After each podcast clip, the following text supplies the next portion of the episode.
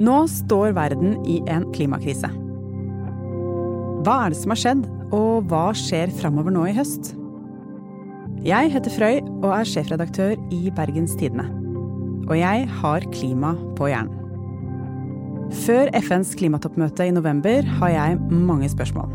Og kanskje lurer du på det samme som meg. I denne serien snakker jeg med folk som kan gjøre oss alle klokere. Er fornybar energi egentlig noe å leve av etter olja?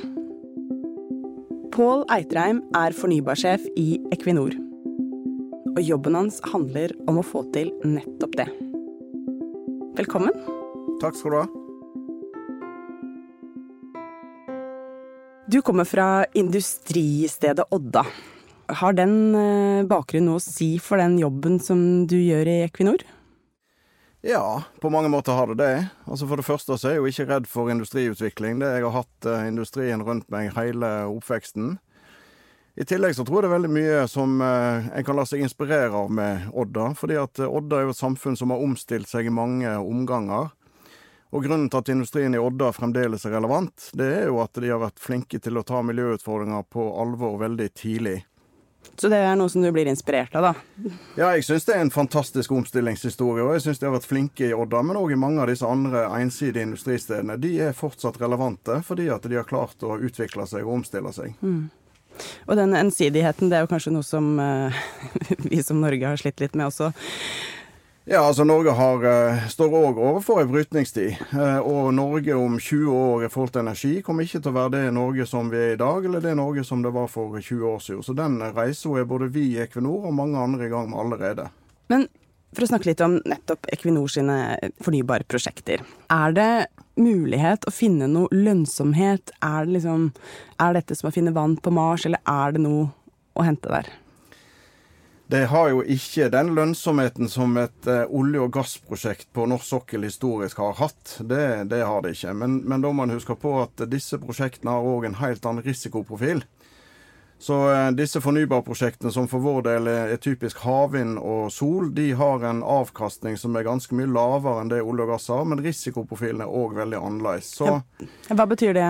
nei, Det betyr bl.a. at uh, en har ikke leiterisiko. Altså Disse ressursene er jo der, de er fornybare, vi vet at de fins. Vi vet at det er vind? Liksom. Vi vet at det er vind, og vi vet at vinden kommer til å være der veldig lenge. Det har ikke eh, oljepriseksponering, så den, de svingningene som vi kjenner fra olje- og gassida, de har vi ikke eksponering mot, fordi vi typisk har fastpris på de kontraktene vi har. Og så er det jo heller ikke klimarisiko. sånn at dette er jo en, kanskje den eneste lovlige næringen som jeg kjenner til, som kommer til å vokse i 30, 40, 50, 60 år framover. Så det er jo en forutsigbarhet i dette som eh, er veldig annerledes innenfor en del av de andre energikildene som verden bruker i dag. Ok, sånn at eh, Det betyr at eh, når dere skal vurdere om investeringen er fornuftig eller ikke, så vet dere at altså det er sikrere beregninger dere gjør da, når risikoen er lavere? Ja, Det betyr at inntektene fra disse aktivitetene er mye mer stabile enn det vi kjenner fra olje- og gassområdet. Vi vet at olje- og gasspriser de svinger opp og ned, mens eh, veldig mye av det vi gjør på fornybarområdet, der har vi faste priser som gjør at vi kan si hva inntektsstrømmen fra disse prosjektene vil være de neste 15-20 årene. Og Det er jo òg en grunn til at avkastningen da er lavere, fordi at risikoen òg er lavere. Og Det betyr at du vet egentlig svaret på spørsmålet er det noe vi kan leve av i framtida, fornybar energi, eller blir det bare litt marginal greie for oss i Norge å leve av? Dette blir en viktig del både for Norge og for Equinor i, i årene som kommer. og det, det kanskje mest spennende som vi står overfor i Norge nå, både som selskap og som nasjon, det er jo hva vi har tenkt å gjøre eh, de neste 10-20 årene innenfor fornybarutvikling i, i Norge.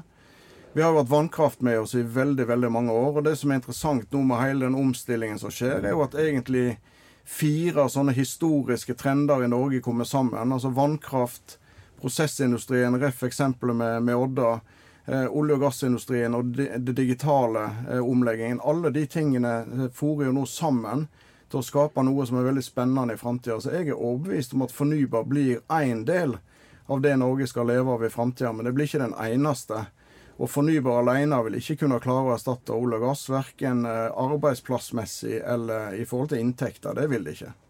Nei, for det er snakk om ganske mange færre arbeidsplasser for Equinor sin del når det gjelder eh, havvind i framtida. Ja, altså dette er en mye mer sånn mindre arbeidskraftintensiv bransje enn det eh, olje og gass er. Altså, Ei havvindmølle, f.eks. En havvindturbin, er jo ikke bemanna. Så vi vil jo ikke ha eh, generasjoner av nordmenn som jobber på turbiner i havet. Og det vedlikeholdet som skal gjøres av disse turbinene, det vil jo være, i hovedsak være betjent fra land.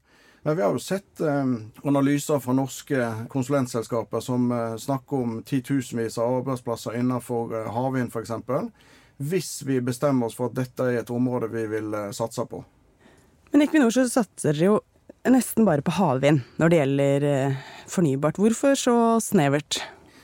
Det er fordi at det er et område der vi tror vi har forutsetninger for å lykkes. Vi ser jo på havvind i veldig stor grad som en forlengelse av kompetanse vi allerede har innenfor eh, selskapet. Og vi, vi og mange norske leverandører med oss, vi er jo eh, offshore energiselskaper. Det er sånn vi er vokst opp. Det er den kompetansen vi har.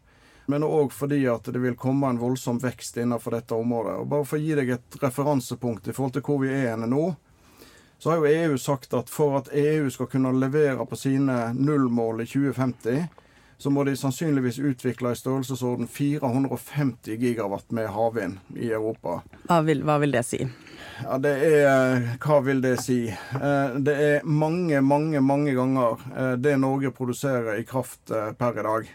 Så det er en betydelig utvikling. Men hvis du ser på hvor vi er i dag, da, så er det i hele verden hittil utvikla rett i overkant av 30 gigawatt. Så 30 gigawatt med havvind globalt, og bare EU sier 450 gigawatt innen 2050. Men fins det ikke noen andre teknologier dere kunne satsa på også, gitt at eh, sier, det er noen begrensninger innenfor havvind? Det er jo eh, utrolig mange teknologier som nå er i støpeskjea, og som det blir testa og, og forska på. og Det er jo nesten ikke ei uke uten at jeg får en e-post fra noen som gir meg gode råd om hva vi burde satse på. Om det er geotermisk, der vi borer etter jordvarme, eller om det er bølgevind, eller, eller om det er andre, andre energikilder. Så jo, vi kunne nok ha gjort det. Og Samtidig så er dilemmaet da klar, hvor mange områder klarer vi å bli virkelig gode på. Så vi har sagt at vi ønsker å bli en industrileder innenfor havvind, for der tror vi at vi har noen fordeler med oss. Mens på andre områder så er det andre som vil være bedre posisjonert enn det, enn det vi er. Så det er ikke noe i veien med de teknologiene, men det er sannsynligvis andre som er bedre plassert til å utvikle de enn, det vi kan. Men dere tar en ganske stor sjanse på at det er havvind som både Equinor og egentlig Norge skal lykkes med da, innenfor det fornybare? Ja, for vår del gjør vi det. Eh, og så vil jeg ikke karakterisere det som en sjanse. Vi gjør et veldig bevisst valg i forhold til å, å gå inn i, i havvind. Og jeg er ikke bekymra for at vi skal komme om fem år og oppleve at vekstmulighet vekstmuligheter innenfor havvind er vekke. Det kommer ikke til å skje. Jeg er mye mer bekymra for at vi får tilgang på de mulighetene som kreves for å holde en sånn maskin i gang som det vi trenger i årene framover. Men hvor mye er det egentlig Equinor nå investerer i havvind eller fornybare prosjekter? generelt? Mellom de, neste fem årene skal vi investere 200 milliarder kroner innenfor eh, fornybar. Både havvind, men òg innenfor sol. Ok, Så litt sol? Litt sol. Ca. 90% av våre investeringer de neste årene kommer til å gå i havvind, og ca. 10 i, i sol. Men da må du huske på at eh, sol krever mye mindre investeringer per enhet som vi utvikler, enn det havvind gjør. Fordi havvind er relativt sett mye dyrere enn det sol er. Nettopp. Og hvor stor andel av eh, Equinors investeringer eh, er det? Nei, vi har sagt at innen de neste ti årene så skal ca. 50% av våre bruttoinvesteringer de skal gå til fornybar og lavkarbon, dvs. Si karbonfangst og -lagring og hydrogen. Så vi er på en opptrapping eh, nå. Akkurat i 2021 så vil vi ikke være i nærheten av de tallene, men det skyldes at investeringene i de store prosjektene som vi har vunnet, og som er under utvikling, de har ikke begynt ennå, men de kommer de neste årene. Så til sammen mellom nå og 2030 Ca. 400 milliarder kroner skal vi investere i, eh, i, fornybar. Så det er en formidabel opptrapping fra der vi, vi kommer fra. Altså det er jo et veldig høyt kronebeløp, uten tvil. Men da gjenstår likevel en ganske stor andel av investeringene som skal gå til fossilt nødvendigvis. Da. Burde ikke du egentlig klart å grabbe til deg en enda større del av investeringskaka i Equinor? Det er for så vidt ikke kapital som er den største begrensningen for meg og mitt eh, område. Det handler like mye om et par andre ting. Det ene er at eh, Vi vinner tilgang til gode, lønnsomme fornybarprosjekter. Og der er delvis går det for seint i forhold til det myndighetene har indikert. Det kommer for lite areal på markedet som kan bygges ut, og det kommer for seint. Og det andre er at det er en enorm konkurranse om de mulighetene som, som er der. Sånn at eh, det er en balanse mellom hva vi har kapasitet til å gjøre, men òg hva vi er villige til å gjøre når det gjelder de kravene til avkastning som vi har på våre prosjekter. Og det, det er nok en større begrensning akkurat i øyeblikket enn det kapital er. Ok, Så det betyr at hvis politikerne hadde lagt bedre og raskere til rette for flere havvindprosjekter, så hadde det vært en god idé at du fikk eh, mer midler å investere? Det er i hvert fall en nødvendig forutsetning, og så er det ikke en tilstrekkelig forutsetning. Og så må vi skille litt mellom Norge og resten av Europa, for Norge er jo egentlig en veldig særstilling. Nesten all norsk kraft er allerede fornybar. Eh, vi er det eneste landet i Europa som er i den situasjonen. Mens hele Europa skal jo nå legge om sin kraftproduksjon fra kull og gass og andre kilder og over på fornybar. Så den omstillingen i kraftsektoren som Europa står overfor, den overgår jo Norge mange ganger i forhold til hva som skal, skal løses. Norge akkurat nå trenger ikke havvind i sin kraftforsyning. Vi har sannsynligvis kraftoverskudd, i hvert fall de neste årene. Men så ser vi òg at det kommer ny industri som er mer kraftkrevende, og som òg vil kreve nye utbygginger. Og da vil jo vi få et politisk spørsmål i forhold til hva er det vi ønsker å gjøre. Hvor mye vannkraftoppgradering ønsker vi å gjøre? Ønsker vi mer vind på land, og ønsker vi vind i havet? Så dette blir jo politiske spørsmål nå. Ok, Men det politiske er en begrensning likevel, som på hvor mye dere vil investere? Ja, det er åpenbart. fordi at i de aller fleste landene så er det jo staten som er konsesjonsgiver og faktisk utlyser de arealene vi er avhengig av å utvikle. Så det begynner med politikerne, både i forhold til å gjøre areal tilgjengelig, og det går for seint per i dag. Men jeg håper jo det kommer mer videre, og at vi øker ambisjonsnivået i årene som kommer. Og det blir en viktig politisk problemstilling. Og den andre begrensningen, eh, det handler om lønnsomhet i prosjektene. Det handler om lønnsomhet i prosjektene. Og det ansvaret som jeg har i Equinor, så kan ikke jeg bare ta kalkulatoren og kaste den ut vinduet og si at jeg skal vinne disse prosjektene for enhver pris. Da er vi det vi kaller for volumdrevet. Det er farlig, for det undergraver over tid den lønnsomheten som eierne av Equinor, som er et børsnotert selskap, forventer. Så eh, ja, volum er viktig, og det å levere på å bygge opp den veksten. Men samtidig så må vi ha eh, inntjening i disse prosjektene som gjør at vi kan stå og se aksjonærene våre i øynene. Okay, og Da er vi jo litt tilbake til det eh, første spørsmålet som jeg stilte også. at I hvilken grad er det mulig å faktisk tjene penger på dette? da? Og det høres ut som det foreløpig er det litt sånn litt begge deler? Nei, altså vi hadde jo aldri gått inn i dette hvis ikke vi kunne tjene penger på det. Og, og det som er historien vår så langt, er jo at vi faktisk har tjent veldig gode penger på det. Det skyldes to-tre ting. Det skyldes at vi gikk veldig tidlig inn. Jeg tror det første havvindprosjektet som Equinor gikk inn i, var i 2005. Så har vi de siste årene solgt oss ned i noen av de prosjektene vi gikk inn i, til aktører som er veldig ivrige til å komme inn og har stor betalingsvilje. Så realiteten per i dag er at vi har investert ca. 4 milliarder dollar i denne virksomheten hittil, og vi har fått tilbake igjen over 50% gjennom at vi har solgt andeler til andre aktører. I hvilken grad merker dere presset fra markedet eller fra investorer når det gjelder eh, bærekraft? At det er forventa at dere satser stadig mer på fornybart? Nei, Markedet endrer seg eh, i takt med alle andre. Så eh, de investormøtene vi har i dag sammenlignet med det vi hadde for fem år siden, de er veldig forskjellige. Og hvis jeg skulle anslå litt sånn generelt hvor, hvor stor oppmerksomheten er 50-60% av de spørsmålene som jeg og kollegaene mine i konsernledelsen får, de handler om eh, bærekraft, eh, fornybar og klima. Og Når det gjelder eh, klimatoppmøtet som skal være i Glasgow senere i høst, vi vet ikke hvordan det kommer til å gå, vi vet ikke om verden kommer til å bli Altså om politikerne kommer til å virkelig satse på å unngå 1,5 graders oppvarming. Men i hvilken grad vil resultatene fra klimatoppmøtet påvirke deres virksomhet? Altså Energibransjen generelt, dette gjelder jo både olje og gass eh, og, og fornybar i like stor grad, blir jo påvirka av endringer eh, rundt oss. Vi er en energibransje som betyr veldig mye for folk i hverdagen, og derfor betyr vi òg mye for politikere i ulike land. Så det politikerne blir enige om eller ikke enige om, det legger jo viktige premisser for den aktiviteten vi skal utføre i årene som kommer. Så det er kjempeviktig for uh, samfunnet, men det er òg kjempeviktig for oss som selskapet.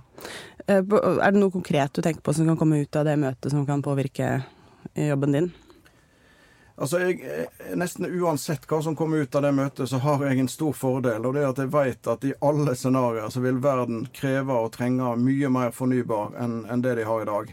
Så uh, uansett hva som kommer ut av Glasgow og andre møter, så er jo retningen når det gjelder fornybar, den er jo entydig. Og det er òg en villa utvikling i alle land i, i øyeblikket. Men kan det påvirke tempoet? Det er vel litt ulike synspunkter på om Equinor er rask nok i den omstillingen? Ja, Det er mange synspunkter på Equinor i alle mulige sammenhenger. og Det spørsmålet får jeg ofte hvorfor går dere ikke fortere? Vi går så fort som vi klarer. Vi skal òg utbygge disse prosjektene. og Det å ha ressurser og kompetanse og personell som faktisk kan gjøre det, det er òg en begrensende faktor. Så jeg er komfortabel med den farten vi går i nå, men jeg er ikke bekymra for at ikke mulighetsrommet skal bli stort for oss uh, framover. Det, det er jeg ikke, for det vil det bli. For mange år siden så gikk jo Norge inn i oljealderen, og nå skal vi ut av den, sakte, men sikkert. Er det noen fellestrekk mellom endringene da vi gikk inn i oljealderen, og nå når vi skal prøve å komme oss ut? Ja, Med det store forbeholdet at jeg ikke var født når oljealderen begynte i Norge, så har jeg i hvert fall jeg har reflektert litt på det. og jeg... Eh, på mange måter har vi et bedre utgangspunkt i dag enn det vi hadde på 60-tallet, når oljealderen begynte i, i Norge. Vi, eh, og Det vi har felles, er jo at vi tar utgangspunkt i det vi har, og skal bygge videre på det. Altså Den gangen tok vi utgangspunkt i skipsfarten, i verftene våre, i fiskerinæringen, og det ble på en måte grunnstammen til det som ble det som i dag er norske leverandører. Og nå har vi jo norske leverandører i verdensklasse som er vant til å konkurrere internasjonalt, som har levert noen av de mest komplekse prosjektene i, i energihistorien. Det er jo den ryggraden vi må bygge videre på i dag. Så sammenhengen her realiteten er jo at jeg er helt avhengig av innenfor fornybarområdet den kompetansen og den kapitalen som i dag er generert på olje og gass i år. For det er jo den vi benytter oss av innenfor begge områder. Og sånn tror jeg mange av leverandørene tenker òg. Men det å, å, begynne med det en har som utgangspunkt, det er i hvert fall eh, felles både den gang og i dag. Men du er, altså du leder eh, fornybarsatsingen til Equinor, og dette er jo definitivt veldig teknisk. Og det handler om eh, ingeniørkompetanse, eh, vil jeg tro, på ganske høyt nivå. Men du er altså statsviter. Det er jeg òg. Eh, og jeg tenker at det er ikke sånn veldig betryggende egentlig at det er en statsviter som skal sørge for at eh, Equinor eh, kommer over i det fornybare. Nei, men, men, og hvis jeg var den eneste i Equinor som holdt på med dette her, så ville det jo vært reell grunn til bekymring, og det er det jo heldigvis ikke. Så alle de ingeniørene du sikkert har mye større tillit til enn en meg, de er heldigvis tungt engasjert i, i dette her. Så når jeg ser eh, rundt meg, både i den enheten som jeg eh, leder i Fornybar, men i tillegg i resten av Equinor, så ser jeg jo eh, noen av de flinkeste ingeniørene i Europa, og jeg ser noen av de flinkeste økonomene i Europa, og det er jo de jeg trekker på. Så hvis dette var et one man band med en, med en kar med hovedfag i sammenligning av politikk alene, da ville det jo virkelig være grunn til bekymring. Men det er det heldigvis ikke. Og til slutt så vil jeg gjerne spørre deg, hva har du å si egentlig om du lykkes i jobben din eller ikke? Equinor er jo et eh, spesielt selskap. Det er jo et selskap som eh, alle har et forhold til, og som på en måte mange føler de eier en liten eh, del av. Og vi er et stort selskap i et relativt lite land. Så de valgene og investeringene vi gjør, de betyr mye for mange. Og langt mer enn de vi direkte ansetter. Men vi er en viktig aktør for omstillingen av leverandørindustrien. Selv om de allerede, uavhengig av oss, òg er godt i gang med den reisa som vi skal gjennom. Eh, men det at eh, Equinor nå har eh, sagt at vi skal være relevante i det grønne skiftet, vi skal være en leder i det grønne skiftet, det betyr noe for Norge. For vi har, en, vi har en fantastisk motor. Vi har en veldig sterk balanse. Vi har økonomisk løfteevne. Og vi har en kompetanse som er bygd opp. Til neste år fyller vel Equinor 50 år. Og den grunnkompetansen som selskapet har, det er en kompetanse som Norge kommer til å nyte godt av. Både i Norge, men òg utenfor Norge. For mye av de investeringene vi skal gjøre, vil jo òg skje utenfor eh, Norge de neste årene. Mm. Eh, eller for å, for å, stille spørsmålet på en litt mer negativ uh, måte. Hvis du mislykkes i jobben din, hva, skjer da? Nei, Da mister vi en unik mulighet både som selskap og jeg vil faktisk også si som nasjon i forhold til å være med på den reisen og den omstillingen som skal skje fram mot 2050. og Equinor er et uh, selskap som har en enorm løfteevne. Våre valg betyr noe for, uh, for, mange, så det er viktig at vi skal, uh, vi skal være med på den reisen. Vi skal drive det og være en leder i det grønne skiftet videre. Og så vil det kreve noe av hver og en av oss, fordi en forutsetning for å levere på disse 2050-målene, det er jo at vi gjør en del ting som forbrukere som, som vi ikke kan gjøre. Det, blant annet så trenger vi å forbruke mye mindre olje enn enn det, vi, det vi gjør i dag. Eh, så det er òg eh, store valg som selskapene gjør, men det er òg eh, mye av dette må løses på forbrukssida. Og det vil kreve noe av hver og en av oss, ikke bare av selskapene. Tusen takk for praten. Takk skal du ha. Denne episoden er laget av Anna Offstad og Henrik Svanevik. Research var ved Hans Mjelva. Og jeg heter Frøy Gudbrandsen. Sjekk også ut alle de andre podkastene til Bergens Tidende. Lett tilgjengelig i BT-appen.